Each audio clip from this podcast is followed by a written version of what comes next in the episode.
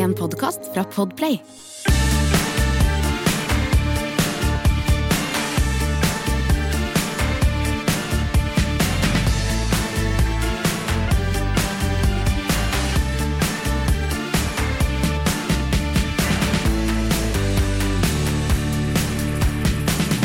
Da er vi tilbake her i kortkjøringsstudio. Ja, faen, det er jo veldig mye mindre enn det studioet vi bruker på langkjøring. Dette er jo nærmest på størrelse med en eh, gammel telefonkiosk. Ja, vi sitter jo på fanget til hverandre og Ja. spiller inn med én mikrofon.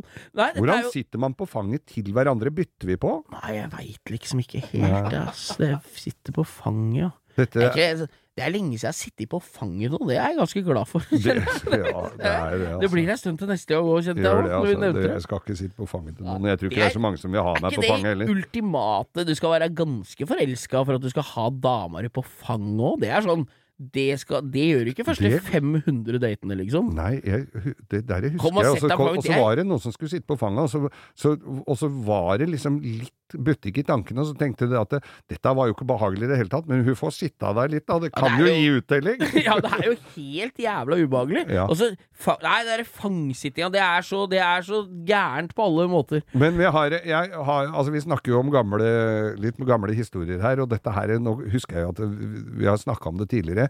Jeg hadde en kompis som hadde en fin sånn Storebro 34. Ja, det er den båten som har Store. ekte treverk på utsida. Ja. Så, sånn alle listverket er i bøk. Ja, og Ja. Han, han var tidlig ute med å hyre inn polakker til å slipe, for det var ingen som gadd, for de sto jo og slipte for hånd, så det blei sånne Der hvor det- treverket var svartna litt, ikke Ja, sant? ja, ja. Så sto jo dem folk og slipte groper, men han hadde jo fått disse gutta til å stå med langhøveren sånn så det ble Du fikk tatt alt, fint, så det ble fint. Så den båten var jo altså så inni granskauen strøken.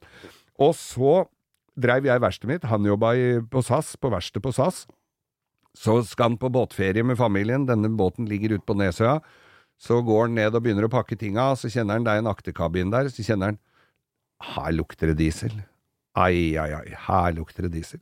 Så han eh, er jo ikke rådvill, eh, min venn, så han skrur løs den akterkabinen, får løsna taket, for tankene ligger jo under der, ikke sant? Ja, ja, så akterkabinen er liksom en sånn slags er- egen støpt Ja, kloss. og du Ja. kunne ikke ha ungene liggende baki den der Oppå Oppå Oppå den eh, diesellukta der. Så da var det å løfte akterkabinen opp på brygga, eh, få heist ut de tankene i, som var i stål, de veide jo litt da, kobla fra, tømt hele dørken for diesel, heise de opp, legge, legge dem på lasteplan og komme opp til meg, og sto da utafor verkstedet mitt klokka sju om morgenen, hvor vi slipte da for de hadde irjaifiller, ikke sant? ja, ja, ja. Det var høl i Det dem. var ja. høl, sånn Ja. ordentlig sånn gravrusthøl. Men på SAS så hadde de en sånn fin tokomponent greie som jeg tror det kosta det hvite ut av øya, som han hadde Som hadde falt av en lastebil, tror jeg. Som han hadde med seg noen tuber av det derre Eller boks, eller hva, jeg husker ikke hva det var. Så vi slipte ned de tanka, og kledre med den der Sånn eh, epoksyen. epoxy, ja. Ja, ja. For den tok Den, den var motstand mot kjemikalier og bensin og diesel og alt som fint å slippe å sveise det, da. Kjempebra! Og så klistra vi på det. Tørka jo fort, sånn som alt tokomponent går, går jo fort. Og så var det ut på brygga, heise ned tankene, der var det jo gullende reint i dørken og alt, og få dette her på plass, kobla på. På med akterkabin, re opp senga og dra av gårde på tur. Og så, som en liten bonus på dette her, eh, denne lille hjelpeaksjonen her sånn, så dro han og en kar til og jeg skulle på tur med denne båten. Ja, ja, ja. Det var ikke lange turen, skulle bare til Drøbak. ja. Eh, Det kan være tur mer enn nok, det. ja, og, og der ble det bunkra, da. Så det blei jo ei kasse øl eh, på flybridgen der i strålende sommersol. Og undertegnede da med tøysete solbriller og en eh, kledelig tuppé jeg hadde fått av et eller annet sted. Med en sånn dustete tuppé. Og, og kommer da til Drøbak, og vi begynner da å bli Det var jo ikke snakk om noe alkoholgrense på sjøen den gangen. Det skulle jo nærmest drikkes om bord i båter, og vi var ordentlig, ordentlig sveiseblinde, altså. Og kommer da til Drøbak og skal legge oss til ved brygga der.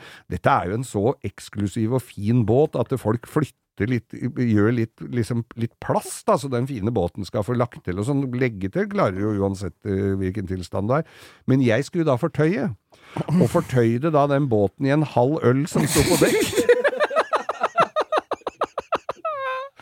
Og, og klarer da å snuble i et kryssholte da jeg har gjort dette her. Altså, at det går av. Altså, Istedenfor å fortøye kryssholtet, altså, forteller jeg den, fortøyer jeg den ølen som står Så går jeg da på ræva i sjøen der, da. Så tuppen ligger og flyter inni moloen i Drøbak. Altså det, det var, og folk syns jo De trodde jo at jeg hadde sånn tuppe i fullt alvor, så de, så de ble jo litt brydd, ikke sant. Så jeg bare svømte etter den der glassmaneten og kledd, klaska den opp på huet. Og så dro vi, og, og, og folk snudde seg jo vekk og sånn.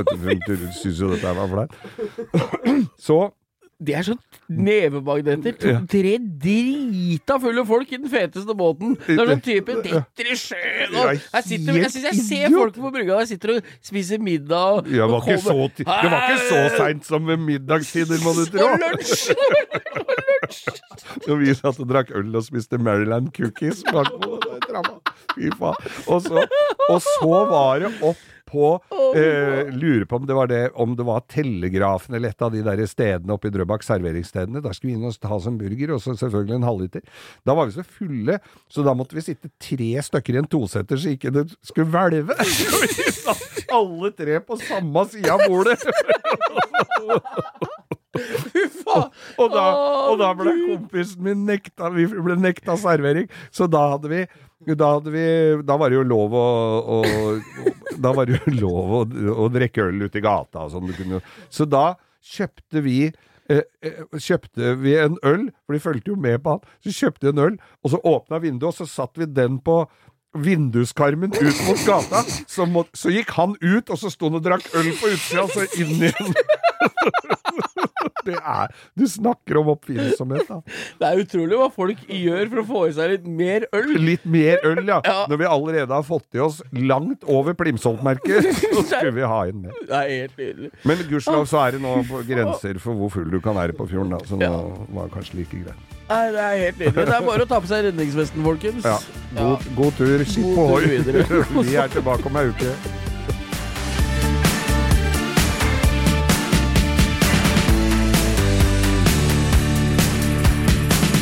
Du har hørt en podkast fra Podplay. En enklere måte å høre podkast på. Last ned appen Podplay, eller se podplay.no.